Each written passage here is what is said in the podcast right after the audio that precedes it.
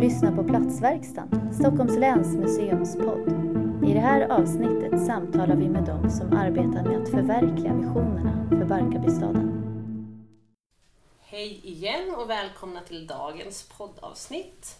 Eh, vi fortsätter vårt fokus eh, på Barkarbystaden. Men idag eh, är det dags för att, att prata lite grann om genomförandet av projektet Barkarbystaden. Ehm, vi har ju väldigt mångordiga visioner om en tät, hållbar och levande stad. Ehm, och det ska då genom fysisk gestaltning på såväl storskalig som småskalig nivå realiseras och göras till en faktisk boplats. Men hur gör man det på bästa sätt? Det tänker jag är ämnet för dagen. Och med mig idag har jag då två personer som på olika sätt och olika nivåer har varit eh, deltagit i det här genomförandet av Barkarbystaden. Dels Åsa Kalstenius som är arkitekt på och delägare av Kod Arkitekter.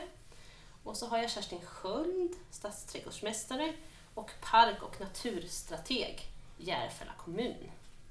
Välkomna hit. Tack.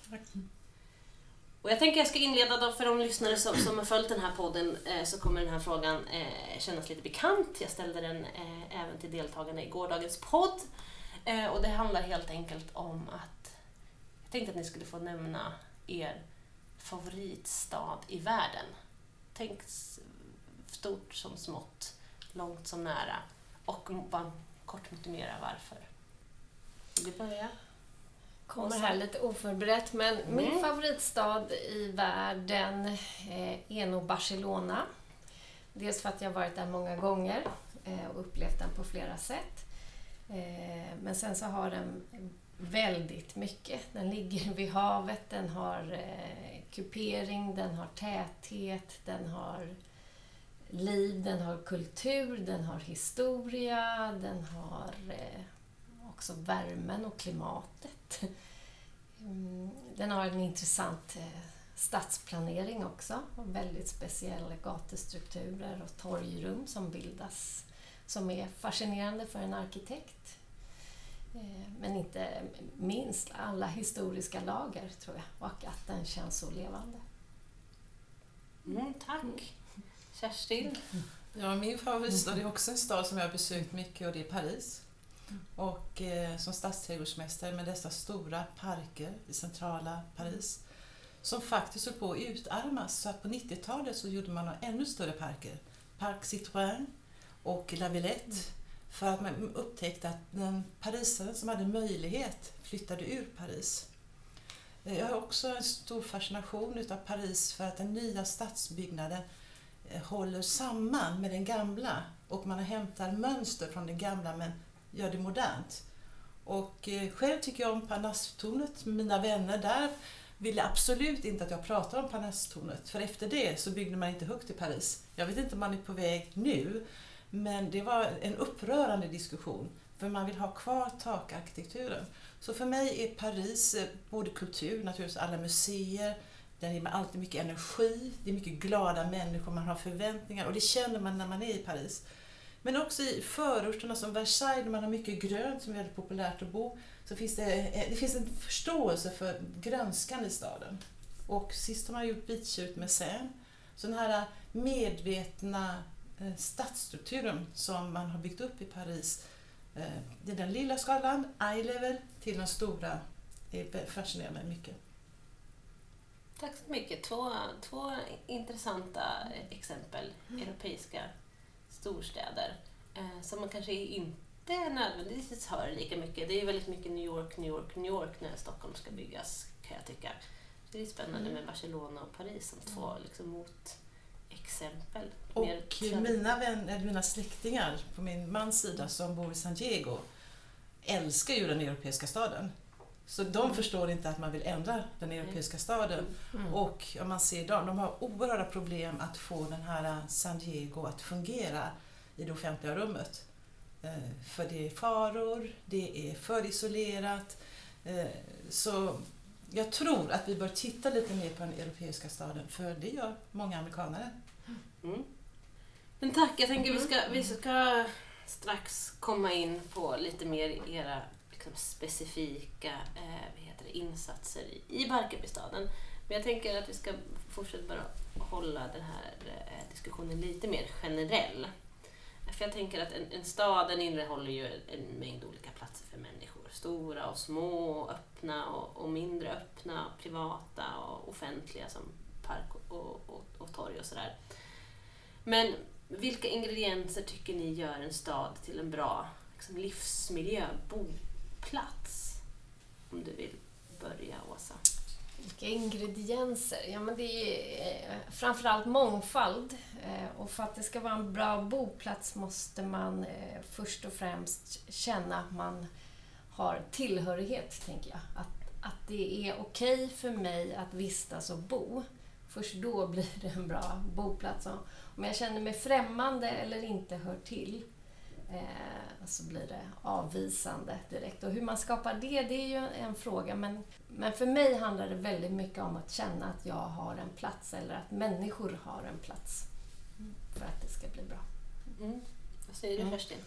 Ja, som stadsträdgårdsmästare så mm. måste jag hänvisas till forskning i allt det jag gör. Och det man har kommit fram till amerikansk forskning det är att vi är ett däggdjur. Ett däggdjur, mammon pratar man om. Och vi gillar eh, strukturer, vi gillar fasader och går vi är trygga ut med fasader. Vi är trygga ut med häckar. Vi är trygga vid bryn. Sen sprang vi som små varelser till ett träd kanske för att skydda oss. Vi är rätt sårbara. Så all den här tryggheten är väldigt viktigt. Att man har en överblickbarhet och att man känner igen saker. Jag kan fortsätta men... Mm. Ja, nej, men det, jag tycker det var en väldigt, en, en väldigt fin eh, liksom, sammanfattning. Eh, som liksom också pekar just på, tänker jag, det, det betydelsen av det materiella i staden, alltså det som man faktiskt fyller staden med. Mm. Eh, som, som, som jag tänker att vi ska fokusera lite mer på idag. Om man då övergår till Barkarbystaden, återigen lite mer generellt. Hur kan man beskriva Barkarbystaden som liksom en, en boplats eller liksom livsmiljö? Om man säger, mm. fortsätter på forskning mm. så är vi som människa, som varelse, en berättande. Och berättelsen har väldigt stora centrum i hjärnan. Det är amerikansk forskning också tagit fram mm. detta väldigt noggrant. Och eh, det är någonting som vi intuitivt tog med oss när vi började med Barkarbystaden. Vi skulle ha en blandstad. Det, var den, det fanns på den tiden. Man pratar väldigt mycket om det i staden, i arkitektur, postmodernismen att modernistiska planen, det var något som inte stämde riktigt med den. Och då kom man fram till att, att strukturera en stad, ett rutnät vore bättre. Men då tänkte vi att vi har gamla vägar, Häradsvägen från Sollentuna till Lövsta, som går igenom. Och den skulle skapa en liten oro i staden, eller en historisk eh, eh klang. Likaså Enköpingsvägen. Och det har vi hela tiden fortsatt med de här eh, flygtidens hangarer, finns med i strukturen flygledartorn som sen hamnade i parkerna. Så att, att störa det här äh, rutnätet lite grann med det historiska har varit väldigt viktigt. Skapa lite dissonans på något sätt. Ja, ja. att något mm. nytt händer. Varför ser det ut så här? Mm. Vad är det för berättelse bakom? Mm. Varför är den här parken sparad med de här geologiska formerna? En lärare kan berätta det. Mm. Och då förankrar man platsen, då börjar man också mm. tillhöra den. Och man vet att det är tecken från stenåldern. vad säger du Åsa? Nej, men jag tycker också det. Eh, det är så oerhört viktigt. Speciellt, vi har ju funderat mycket. Jag har ju ritat ett kvarter mm. här i, i Barkarbystaden. Så jag ligger inte bakom planen eller hela strukturen utan har fått inordna mig kan man säga mm. i strukturen. Tolka intentionen och så göra någonting utav det. Men, eh, och det är väldigt, väldigt speciellt när man bygger en ny stad som inte har så mycket innan. Och därför tänker jag det är så himla viktigt som det vi pratar om nu, att det som ändå finns, att hålla fast vid det eller knyta an till det. För, för att det är en svår uppgift att skapa så oerhört mycket nytt på kort tid och att det ska bli bra. Mm. Så om man inte tar fasta på kyrkan eller flygfältets, landningsbanans riktning eller hangaren, de sakerna som ändå finns, så tror jag att det blir lite historielöst och lite rotlöst. Så att de blir oerhört viktiga att eh, fokusera på och medvetet hålla kvar i stadsstrukturen. Och det är ju gjort med siktlinjer och hur gator ligger. Och, Ja, det är mm. mycket inspirerat från Lindhagen. Mm. Och Stockholm då, eh, där går gatorna ut i park, Mm. ut mot himmel eller mot vattnet. Det är Mm. någonting som öppnar upp eh, Stockholm. Och jag tror vi har en naturlängtan. Vi har kanske tre generationer bott i städer. Mm. Vi, vi har fortfarande den längtan. Och all forskning säger att där det finns grönska, där är människor fris- friskare. Även om man tar ekonomiskt samma nivå. Så är man, är man fattigare, är man friskare när det är grönt. Och eh, det där vi tog vi fasta. Och sen tror jag man ska också våga vara lite rolig. Alltså vi, jag inspirerade att vi skulle lägga en esplanad mellan kyrkan och naturreservatet. Det ska man egentligen inte göra idag om man tänker rent strikt stadsmässigt. För vi, de här målpunkterna är så svaga.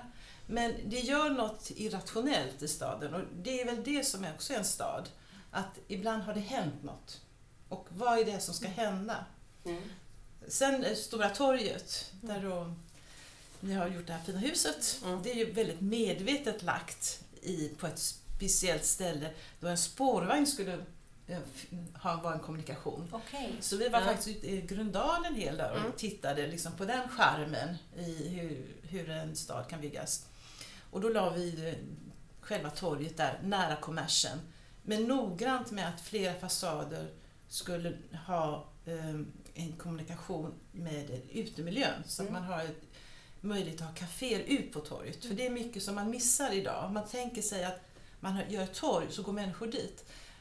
Om man Mm. ritar en lägenhet så går man till köket. Men ritar man ett torg på fel plats med fel innehåll Mm. så går inte människorna dit. Eh, Så att, eh, och sen betyder det då hur väggarna ser ut. Och det tycker jag var ett väldigt spännande arbete vi hade. Ja men precis, för jag tänkte att det kanske är eh, tid då att du också får faktiskt berätta lite om det här, det här bostadskvarteret som du har ansvarat för i Barkarbystaden. Alltså vad är det här för bostadshus? Och du kan ju få säga någonting om hur det ser ut. Nu är vi ju bara liksom... i radio. Ja, Man precis. får tänka sig lite. Mm. Eh, men det blir, ligger ju i första etappen. Vi kallar det eh, nära liksom, köpladorna. Så, så på ena sidan vägen runt det här torget så ligger ju stora eh, hangarer är det ju inte. Vad, vad kallar man det? Ja, Men köp- stora köplador. Mm. Strukturer. Man måste ändå säga att vi fick fönster ut med hela eye level-nivån. Ja. Det var Mm. väldigt, det är inte, ofta har man ju block idag. Man Mm. skapar en inre värld för handel. Mm. Men med mycket goda diskussioner från eh, kollegor så öppnar man upp så att vi har fas, eh, fönster. Fasader. Ja. Lite Men volymerna är stora, Stora. ovanför. Det är ändå stora volymer som Ja. inte är Ja. bebodda, Ja, helt ja. enkelt. Mm. Och sen så ligger det här kvarteret, precis som du sa, vid torget. Eh, och det ligger i den södra delen på torget, vilket innebär att fasaden ligger i norrläge mot Mm. tor- torget. Och det ska man tänka på väldigt mycket. Eh, men det är inte bara ett hus, utan det är ett helt kvarter. Eh, och kvarteret känns igen för att det är det är ganska sammanhållet och det är en blå kulör och det är en vit, ganska stark sockelvåning som håller ihop kvarteret runt om. Och varför vi gjorde så, det var ju för just på grund av läget, att vi har kvarteret som ligger vid torget. Då måste man ta dra nytta av torget och ge tillbaka till torget. Och det är just precis det här, att ett torg Mm. blir inte befolkat och trevligt för att det står på en karta torg. Utan det är faktiskt de byggnaderna som ligger runt om och hur fasaderna och speciellt bottenvåningarna är gestaltade och utformade och vad som finns där inne som bidrar till torgets liv. Så vi valde att säga det allra finaste, det kraftfullaste och det starkaste huset i vårt kvarter ska ligga mot torget och vi kallar det ett palats. Och vi tyckte att Barkarbystaden starten eh, här lite i utkanten mot köplador eh, krävde en stark gestalt för att orka bilda den här platsen Mm. och bli fonden. Så det är en ganska stor, hög, bastant, oerhört tydlig, symmetrisk byggnad. eh, Ornamenterad med balkonger och ganska utsmyckad. Och butiker i bottenvåningen. Och på ömse sidor om det här så ligger det lite enklare, eh, längor kan man säga som bildar kvarteret. Och längst i söder så ligger det faktiskt tre punkthus som är sammankopplade i en sockel. Och varför det är punkthus i söder, längst i söder, det är också för att släppa in sol och eh, ljus in på den stora gården. Och de första kvarteren i Barkarbystaden var ganska stora, vilket innebär, i mått, då, Mm. yttermått på kvarteren, vilket innebär att gårdarna också har möjlighet att bli ganska stora och ljusa och gröna. Och vi formade, eh, som vi sa, det här måste bli en hel oas här inuti, i och med att man också bor eh, mot ett ganska offentligt torg åt ena hållet så skulle den riktigt lugna, härliga, liksom, inre prunkande innergården finnas. Och man skulle även från torget kunna se in på den här gården. Så det finns en stor portik som är, är utsmyckad eh, med konst längs väggarna. Är, och konsten är lite subtil så att det börjar lysa på kvällen och då kan man ana liksom, den här grönskande gården även där inne. Som stadsträdgårdsmästare blir man ju väldigt glad då Mm. när man satsar kring ett torg. För det mest svåra för en stadsträdgårdsmästare det är torg. Eh, Det är ingenting som man kan se om man åker runt i olika städer att det är väldigt svårt. Och vi hade förnyad konkurrensutsättning utav ramavtalskonsulter. Och det var White som vann detta. Som med den äran eh, tog fram ett torg. Och det är vårt första stentorg. Eh, granittorg. Och det var en, ett som hade som grund att vi skulle lägga en viss summa för torget. Var huvuddelen skulle vara det här vackra golvet. Och som står då Mm. som gjort i en speciell gnejs. Och eh, skulptur. Och eh, jag tycker det är väldigt lyckat och man ser den här historiska med palatset, med det här torget som skiftar när det regnar så ser det helt annorlunda ut på grund av stenen. Att det ger ett lugn och ro. Och sen när man då får en spännande skulptur som Fredrik Wretman har gjort eh, som handlar om drakar som bråkar kan vi säga. Eh, vi har ju haft ett gammalt flygfält. Vi ville inte att vi har för mycket flygplan. Vi har en lekplats som heter Tema, flygledartorn och små skulpturer som är väldigt omtyckt. Men det andra ville vi ha mer på abstrakt och de här drakarna är spännande och naturligtvis var det ett team när vi var med och valde det här. Och då frågar man sig, vad är jungfrun? Och hon finns där som en liten svan. Och den puffar ut lite eh, så här vatten ibland, de här drakarna. Och det jag tycker är roligt att det var någon i vår grupp som sa att man skulle kunna ta ett eh, foto, ett turistfoto. Och det har jag tagit på det här torget. Med människor som skrattar till när de ser den här förälskade och ser draken puffa ut någonting, fundera på draken. Det är de här historierna man bygger upp Mm. med att både hus har arkitektur, alltså ett uttryck och eh, att det möts upp i det offentliga rummet. Så att man lägger inte grädde över hela, utan man går verkligen ner. Så Årsta torg är ett betongtorg faktiskt, med en skulptur. För att visa att det är stora torget som ska vara det fina torget. Så man måste balansera hela tiden uttrycket i staden och kring fasaderna. Nej, men det är spännande den här diskussionen för det är också lite speciellt eftersom att, det, det kvarteret som ni Mm. har ritat då faktiskt har den här äh, placeringen vid, vid Mm. ett stort torg. Det får liksom ehm, också en offentlig karaktär ju. Mm. Alltså det här, Mm. hela det här spel, spelet mellan det, det offentliga torget Mm. som på något vis ska vara en slags mötesplats. Eh, i, I tanken i alla fall. Eh, och så liksom det här byggnaden som har liksom två funktioner. Både vara en inramning av en offentlig plats men faktiskt också rymma sen det privata livet. Oh, ja. Eh, och Det det, är ju bostäder Ja, för människor. Det är bostäder för människor och hur, hur har tankarna gått där kring liksom utformningen av själva insidan? För jag menar utsidan, det är den som syns. Mm. Men det är där inne folk bor. Mm. Det här kvarteret det är lite olika format. Vi brukar ju forma hus efter sin plats. Vi startar utifrån och så försöker vi samspela med det som är där inne eh, i relation till det som är där ute. Och det är därför palatset, alltså huset mot torget, de lägenheterna ser inte likadana ut som de andra lägenheterna runt omkring. I det här fallet så är, kan man säga att lägenheterna är genomgående. Det betyder att de har fasad och fönster både mot torgsidan och mot gårdssidan. Och mot torgsidan så har de lite grunda balkonger, man kan kalla det spanska balkonger. Eh, och det är det man ser i det här mönsterverkan på fasaden också. Och det är för att eh, dels kunna vädra. Köken ligger, kan man säga, mot torgsidan där man vistas väldigt mycket eh, och kan samspela och se det som händer ute på torget.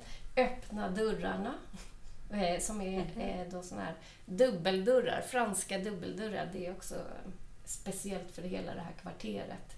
Eh, Så, så vi har velat att man öppna, öppnar upp utåt hela tiden och kan ha kontakt med det utanför. Och sen så är sovrummen i- mot den lite tystare sidan eh, inåt gården kan man säga. Mm. Och sen så är det eh, lite mer eh, klassiska planlösningar, lite mer definierade rum och hörnor. Mm. Och det hör palatset till. För det går inte att göra en, en exteriör som säger en sak, talar ett språk, och en interiör som talar något helt annat. Så att, eh, om om man skulle säga vad som skiljer de olika husen åt så är det väldigt tydligt definierade rum med hörnor och eh, köken är inte lika mycket i en öppen planlösning i det här huset utan det är definierade tydliga egna kök. kök. Mm, det var en av de första det. sakerna Ja. som slog mig när jag tittade på, på planerna Ja. faktiskt. Att det, var, det var förvånansvärt lite öppna planlösningar. Mm. Och det har Mm. alltså med palatskaraktären Det har att med göra, palatskaraktären, eh, ligga mot torget Mm. framför allt. Och också i och med att det är ett ganska stort kvarter, eh, om jag minns rätt nu så är det 217 lägenheter. Mm. Vilket är också väldigt viktigt att inte skapa 217 likadana lägenheter. För det här är ju också, vad är det för stadsliv vi skapar? Det är ju olika typer av familjekonstellationer, olika åldrar, olika behov. Och att mixa det i ett kvarter, det är liksom Mm. vår allra viktigaste uppgift, tycker jag, när vi bygger stad och bygger kvarter. Och där lägger vi enormt mycket fokus. Och i det här fallet så hade vi väldigt tur. Vi jobbade ju med Åke Sundvall som är en gedigen byggnadsfirma med liksom anor eh, som har ett ledord och motto att bygga eh, med omtanke. Och de har inte behov av, eller hade i alla fall inte här i det här kvarteret, att bygga 217 likadana Nej. ett rum och kök, vilket det gärna blir när man vill effektivisera och upprepa. Utan här var beställningen både från dem och oss när vi diskuterade vad kan vi, hur får vi ut väldigt bra kvaliteter på det här kvarteret. Att åstadkomma både ettor, så det är ettor, tvåor, eh, två och en halvor, treor, fyror och femmor. Och så har man placerat liksom de stora lägenheterna med mycket markkontakt för barnfamiljer till exempel och terrasser. Eller högst upp med, Mm. med större terrasser och mindre lägenheter, eh, kanske tystare mot hörn. Men alla lägenheter har fönster åt minst två väderstreck som också är en sån här boendekvalitet. Och speciellt om man bor litet så, Mm. så är ljus och känsla av kontakt med utanför ännu viktigare. Vilken tycker Mm. du är den absolut viktigaste egenskapen i en bra bostad? Absolut eh, ljus, skulle jag säga. Känslan av ljus, eh, kontakt med det utanför eh, och det är en kombination av volym också. Mm. En lägenhet måste inte vara stor till kvadratmeteryta men då måste den kompenseras med takhöjd. Så det finns någon balans där i rumslighet. Mm.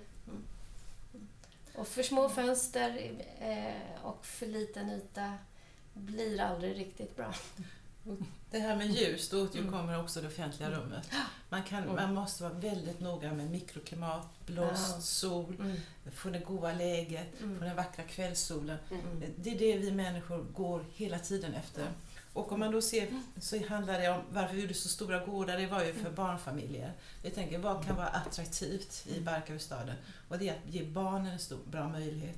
Sen dess har vi också tagit fram en lek och aktivitetsplan där vi faktiskt har på eh, kvarteren mindre förskolor men att vi hela tiden planerar att det finns en park i närheten som man kan gå till.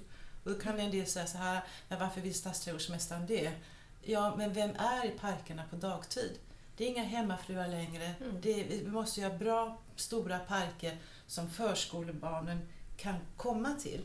För när det har gått några år, 10-20 kanske, kanske är bara hälften av alla dagis kvar. Mm. Då kanske det är gruppboende, något annat. Så att man kan ha en mindre förskolegård. Vi, vi pratar om 2000 kvadrat, gården är helt, så det inte, handlar ju inte om eh, 200 kvadratmeter för barnen, utan det är ordentligt för barnen också. Men man pratar om 3000 kvadrat egentligen för att barn ska få stärka sina muskler, starkt skelett och också för att minska tendenser till ADHD så måste barn få rusa. Mm. Så därför har vi balanserat den här täta staden med parkstruktur. Mm. Men det, det är bra, det leder oss in lite grann på, på just det här liksom utformandet av de offentliga rummen, eller de offentliga rummen skulle jag vilja säga i, liksom i, i, i, plural. För vad, vad, vad, vad är just det viktigaste som, eller vad har var- varit det viktigaste när ni har utformat de här olika offentliga rummen? Barkhusen har ju ett speciellt, det är ju det att vi ligger så nära ett naturreservat, en av de gröna kilarna. Och eh, när vi gjorde vår översiktsplan så visade det sig att det var det människor älskade mest.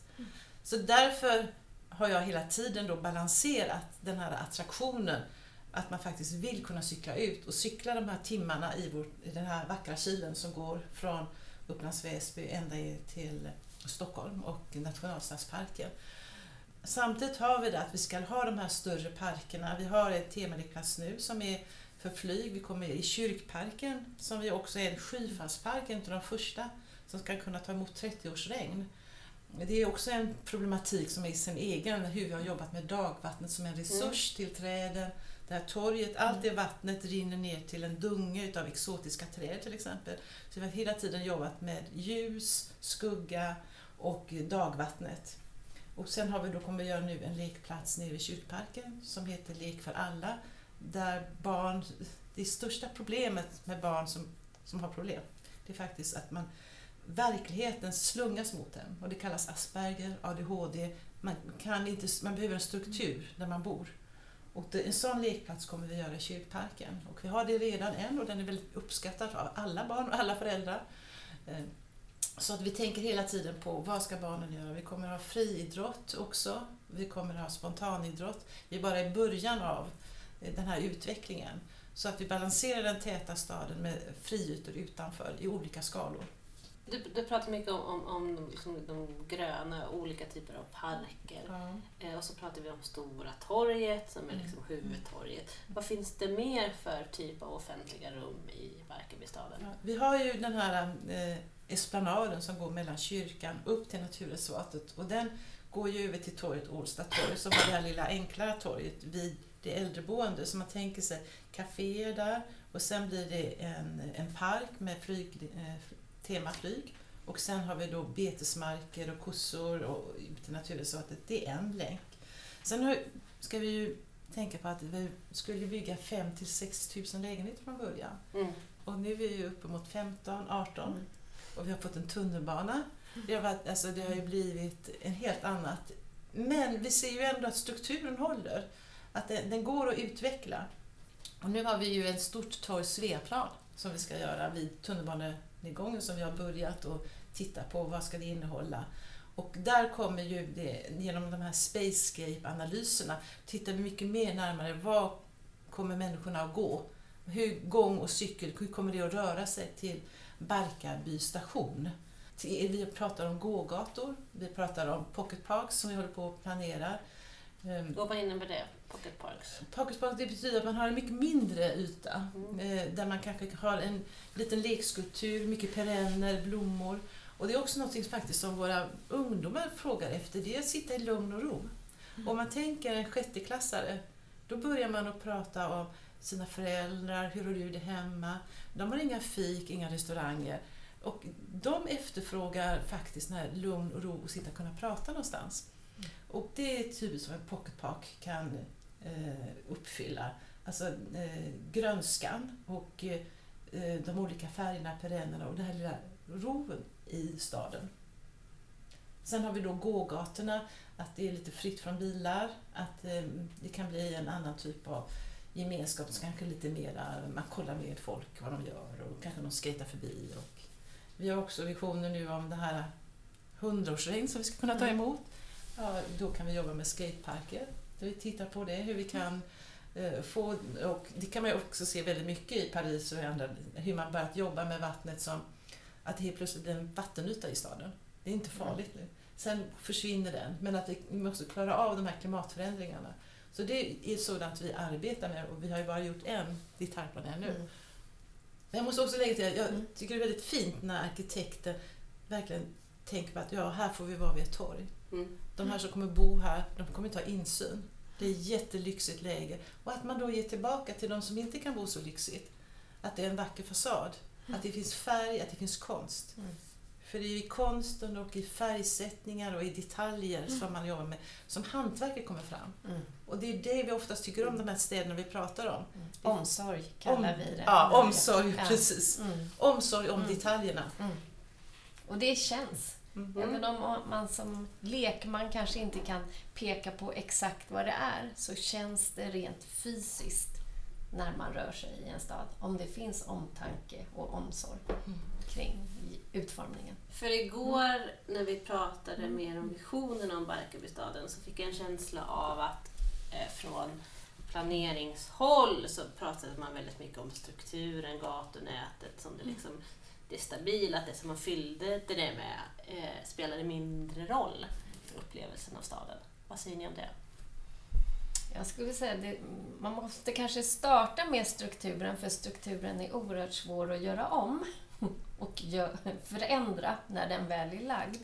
Eh, men det räcker ju inte, utan det är ju bara en start, själva strukturen. Sen behöver man ju fylla strukturen och leva sig in hela vägen ner in i minsta detalj. För det är precis den där minsta detaljen som påverkar oss ännu mer som vi kan som vi känner, ser och agerar liksom med hela tiden.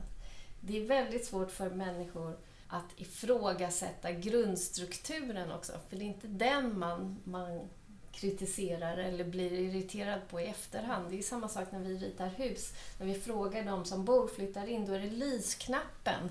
Eller det är liksom eh, dörrhandtaget och placeringen. Det är sådana små. Man har inte möjlighet att att gå in och se helheten eller den stora strukturen. Och därför tänker jag att det är oerhört viktigt att starta med en trygg, bra struktur, men absolut inte glömma att sen ska den ju fyllas med innehåll Mm. och omsorg. Mm. Det är lätt att or- inte orka på slutet. Ja. Och det är svårt för kommunen att och orkas eh, med byggherrar och ner i hela sista detaljen också. Ja, vad säger du Kerstin? Ja, som du förstår så tycker jag väldigt mycket om den täta staden. Jag har bott i Paris, inte bott, jag har varit mycket i Paris, men jag har bott i Köpenhamn, jag har växt upp i Göteborg, jag har bott inne i Stockholm. Och jag ser alla stensorter. Sandsten, graniten. För mig är eh, att gå i den täta staden som är bearbetad, jag, jag ser huggningen. Jag kommer från en stenhuggarfamilj som kan hugga sten. Jag vet liksom precisionen i allt detta. Och, eh, så detaljerna funderar jag mycket på. Jag minns också som barn när jag gick och såg Kodkällaren, bodde det troll där nere. Eller man kan gå och se små skulpturer i den gamla staden. Och idag där funderar jag på vad ser barnet när det Mm. går till förskolan? Händer det någonting? Och vi har tagit upp detta att jag är för att man jobbar med fasaderna och att det kan vara olika saker så att man får stimuli för vi är gjorda för det. Vi är gjorda för att se den lilla vitsippan som kommer. Vi är gjorda för att se det lilla lövet. Tänk en, en björk eller en lind kan vara 25 meter. Mm. Men det upplever vi inte, för vi möter den här lilla grenen och det här lilla lövet och jag älskar att ta foton med människor och träd. Och de har ingen upplevelse av att de står kring något stort. Och det är ju den här Mm. bearbetningen av detaljerna som ligger grundläggande att vi, vi känner oss hemma i det. Mm. Och att en människa har gjort någonting. Mm. Och också färgsättning, och det är intressant. Vi är ju ett dagdjur, så när man dämpar ner all färgskala, då blir vi faktiskt otrygga. Eh, För kvällen, då ska vi gå in och lägga oss någonstans och vänta till nästa dag, så vi kan se rovdjuret långt bort. Och där känner jag att eh, de här färgerna, att man måste fundera lite mer på det. Och speciellt då att det händer olika saker i on the eye level som man pratar nu. Man kan gå in hashtag eye level, det går under hela arkitektvärlden. Vad händer i ögonnivå? För det är där vi möter människor, det är där vi möter den glada människan som kan ge oss trygghet i staden. Så det är väldigt viktigt, om, omsorgen och att man sett att någon har varit här före mig. Mm. Känna och se den mänskliga handen. Ja, Mm. Men vad tänker ni? Jag tänker att det är ganska speciellt ju. Vi har ju varit inne på det lite grann. Just att bygga ett helt nytt område, eller en Mm. helt ny stad på det här sättet. Liksom från scratch. Mm. Det, finns in, det finns ju saker att förhålla sig till. Mm. Kulturhistoriska eh, inslag och, och natur och, och sådär Mm. förstås. Men alltså hur, hur skapar man just det här som ni är inne på? Alltså igenkänningen eller de här detaljerna. Alltså det icke-planerings... Alltså vad finns det för plats för spontanitet? Allt det här som, som uppstår över tid i, i en stad. Hur liksom hanterar man det på, på liksom rit, ritbordsnivå? det gäller ju att ge utrymme för det. Och att ha förgårdar på rätt plats där någon kan Mm. prunka. Jag kan säga att all parkskötsel idag är ett hantverk och vi har inte råd med hantverkare. Vi har mycket maskinskötsel, klippa gräs, klippa häckar. Det klarar vi. Och, eh, men det här att se att en människa har odlat rosenpis till exempel, det ger en speciell glädje. Och vi har sommarblommor, vi har mycket som vi kommer att jobba med. Men just rätt placerad förgård där någon har placerat en magnolia, kanske tar, och några rosor. Det ger också att man ser att någon har omsorg Mm. eh, som bor här. Någon gillar att bo här. Och hitta de rätta platserna. Naturligtvis får inte det heller bli ett mönster. Hela, hela, tiden så är det så att en stad har irrationella moment. Och när det blir ett mönster så blir det inte heller så bra. Mm. Och det är det utrymmet som det här som går eye level då, sitter eye level, handlar om. att Hur kan människor få påverka sin närmiljö på ett positivt sätt? Och du som, Mm. som, Mm. som arkitekt, hur tänker du kring sådana här frågor? Alltså, det ju Men den första nivån som vi tänker på när vi formar hus, det är ju eh, om, vi pratar om bottenvåningen, ögonnivån. Det är vad som finns där. Att, det är, att vi gör eh, generella lokaler som kan förändras över tid. Till exempel att de inte är för små eller inte har fönster så att de kan eh, och, och entréer bjuda in folk utifrån. Att de, ja, vi tänker väldigt mycket på att de ska kunna användas och utvecklas över tid. Så mycket hur vi liksom utformar våra bottenvåningar. Och om det finns liksom den här förgårdsmarken, vem, vem som kan använda den här förgårdsmarken och hur den kan förändras delvis över tid. Det är också vad man kan få sätta upp på fasaden eller inte. Eh, hur, hur tillåtande man blir. Mm. Belysning. Men också tänker jag det är... eh, Jag värnar ju väldigt mycket om att mycket av den offentliga liksom marken och gatan och de offentliga rummen måste ägas av kommunen för att förändring också ska kunna eh, äga rum. Att om man privatiserar för mycket så försvårar man för förändring. Absolut, och det är Mm. mycket klokt där man, om, om man gör en förgård så måste man veta vad man gör. För det, kan, det finns områden här där man kan tro att stadsträdgårdsmästaren har satt upp eh, betongstrukturer med någon konstig en i. Det har jag inte gjort, utan det är alltså ett privat del av gaturummet. Mm. Så den här, det är en, en väldig precision med, med den här strukturen. Och veta vad är offentligt och vad är privat. Och vi pratar ju också om i vår översiktsplan att vi ska jobba med det privata rummet där man har din närmsta trygghet. Sen det halvprivata. Det kan vara en gård men det kan också vara ett lamellhus som står mot ett berg med någon häck. Mm. Ehm, som, eller gatan i villaområdet som också kan vara det här halvprivata. Man känner dem, man vet att det är tant Anna som bor där och liknande. Mm. Sen kommer det offentliga rummet, men att man har minst de tre stegen. Sen kan man också ha halvoffentliga rum, man säger pocket park. Det är ju Mm. då ett halvoffentligt. Jag tror inte man kommer utifrån kanske och besöker en sån Pocket Park, men kyrkparken kanske man har ett evenemang i. Då kommer man utifrån. Så att det är hela tiden att spela med de här olika trygghetszonerna som en stad ska vara uppbyggd i. Mm. Jag tänker att vi ska beröra lite nu det här svåra men viktiga frågan kring mm. hållbarhet. Ni har ju båda redan varit mm. inne på de frågorna. För det, jag tänker att det, det är ju en, en liksom ändå kärnfråga mm. när man bygger en stad. Hur man får den här staden att hålla över tid. Mm. Och jag tänker att, eh, eller det jag är främst intresserad av är någon slags social hållbarhet men även liksom arkitektonisk formmässig. Alltså hur mm. utformar vi staden materiellt på ett sätt så att det liksom håller över tid? Um, hur tänker du som, som Men Jag tänker ju framförallt sunda material. Eh, är ju oerhört viktigt att det är tillräckligt grönt. Eh, men sen tänker vi jättemycket på att sak, vi, gör, vi formar saker för framtiden och det ska stå i 50 år, det ska stå i 100 år. Det ska tåla att renoveras, att eh, åldras, att bytas ut vissa delar. Så att man inte tror att det man gör är färdigt och här och nu. För att staden är ju en levande organism och så är, är husen också på ett sätt. Liksom. De måste kunna leva med sin tid och förändras och utvecklas och renoveras eller underhållas. Mm. Mm. Så tänker vi jättemycket. Det ska finnas någon stabil grund men det ska gå att utveckla. Mm. Och man får inte bli alltför ledsen Eh, pratar vi mycket om på kontoret som arkitekt. Att liksom, nu har vi gjort det här perfekta verket och ingenting får rubba det, utan tvärtom.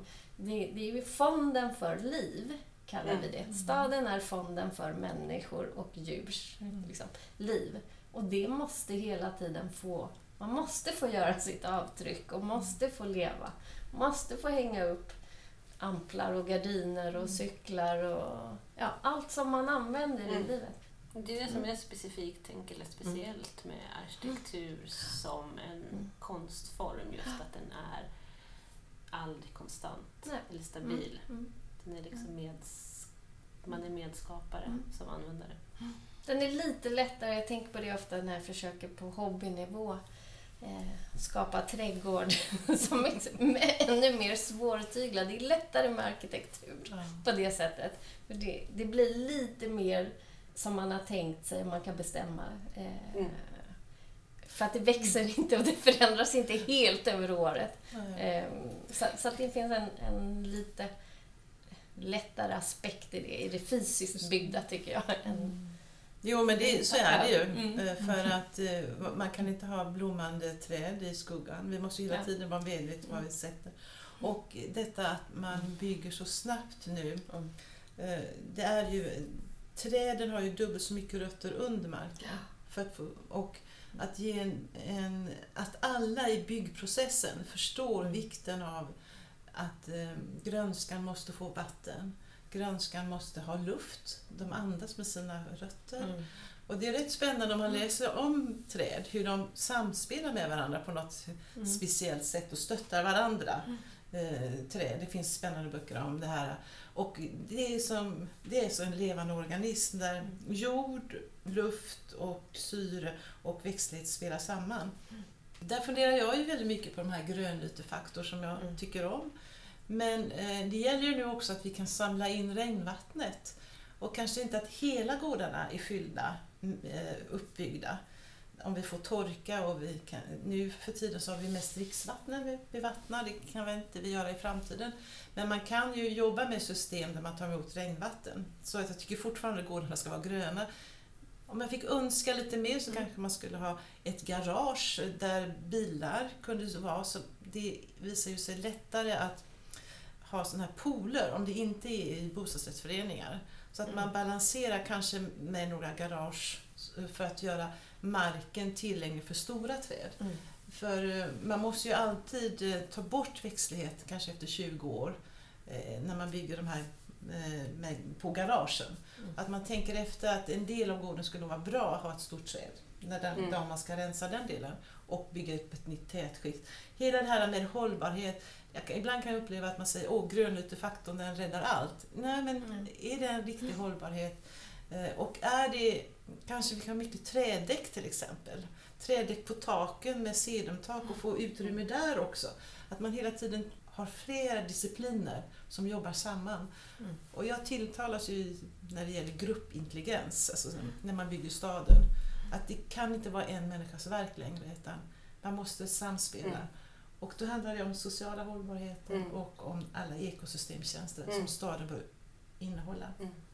Nej, men det var intressant, du sa det lite tidigare i Mm. samtalet, det här med parkerna som ni planerar nu, att, att, att de kan användas av förskolor och sen så kanske det inte är lika många förskolor så kan de användas av äldreboenden Mm. eller av andra. Jag tänker just liksom så här, det faktiska användandet av de här offentliga rummen, att det finns, att man liksom tar höjd för liksom förändrade livsmönster på något sätt. Eller? Ja, det måste man göra. Mm. Och att en park måste ha målpunkter.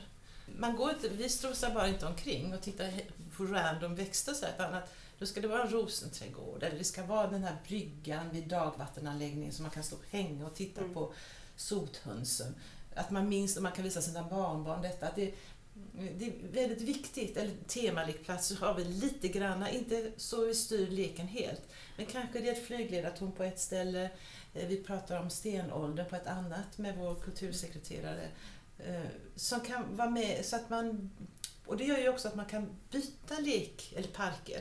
Så man besöker varandras parker. Vi är väl inte så mycket för det här med tydliga grannskap längre.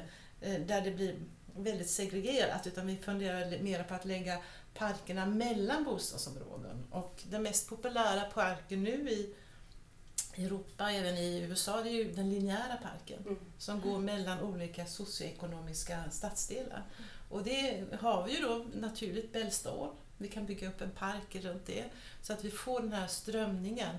Eh, Så det är väl en tydlig tendens tycker jag att vi, grannskap är bra, halvprivat är bra, men det måste läggas till ett lager till där vi, eh, där vi möter varandra.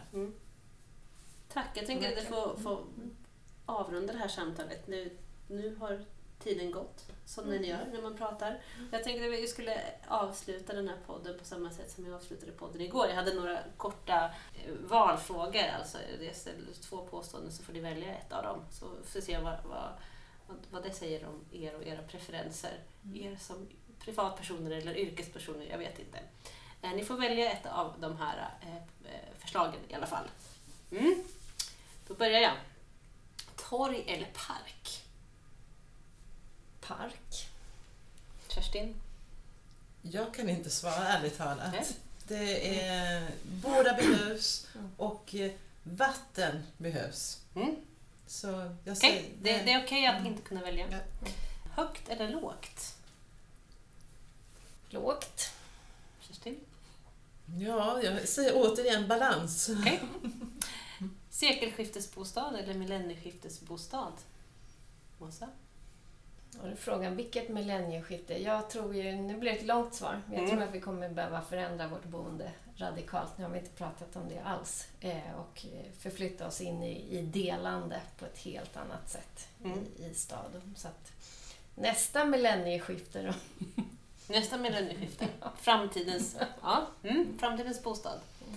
För mig är det omsorg om detaljer. Ja. Det, det kan man lyckas både i framtiden och det finns ett sekelskiftshus. Mm. Öppen eller inte öppen planlösning? Det finns inget svar där. Förändlig, möjlighet till förändring. Mm. Flexibilitet? Mm. Ja, där återkommer jag. Det, I mitt yrke när man jobbar med naturen så finns det inte rätt och fel Mm. hela tiden. Däremot finns det gränser naturen går sönder. Men eh, allting har ett värde, alla biotoper har ett värde, alla organismer har ett värde. Det beror på hur man lägger ihop det. Mm. Cykel eller kollektivt? Det blir- beror på långt eller kort. Det var väl två bra alternativ. Jag har samma svar där. Två, två bra alternativ. Tunnelbana eller pendeltåg? Det spelar ingen roll. Så jag, jag åker mycket pendeltåg och jag föredrar pendeltåg och buss. Jag tycker om att se naturen fara förbi. Om man nu är då ovan jord. Mm. Ja. Ja, men tack, det var, det var in, in, in, intressanta svar. Skilde sig lite grann från, från eh, samtalet igår. Det är bra. Men med det sagt så får vi avrunda det här samtalet. Tack så jättemycket för att ni tog er tid och komma hit och prata eh, de här frågorna med mig. Ja, tack. Tack. Tack själv. Du har lyssnat på Platsverkstan, en podd producerad av Stockholmsmuseum. Vill du veta mer om oss och hitta fler avsnitt? Gå in på Stockholms läns museum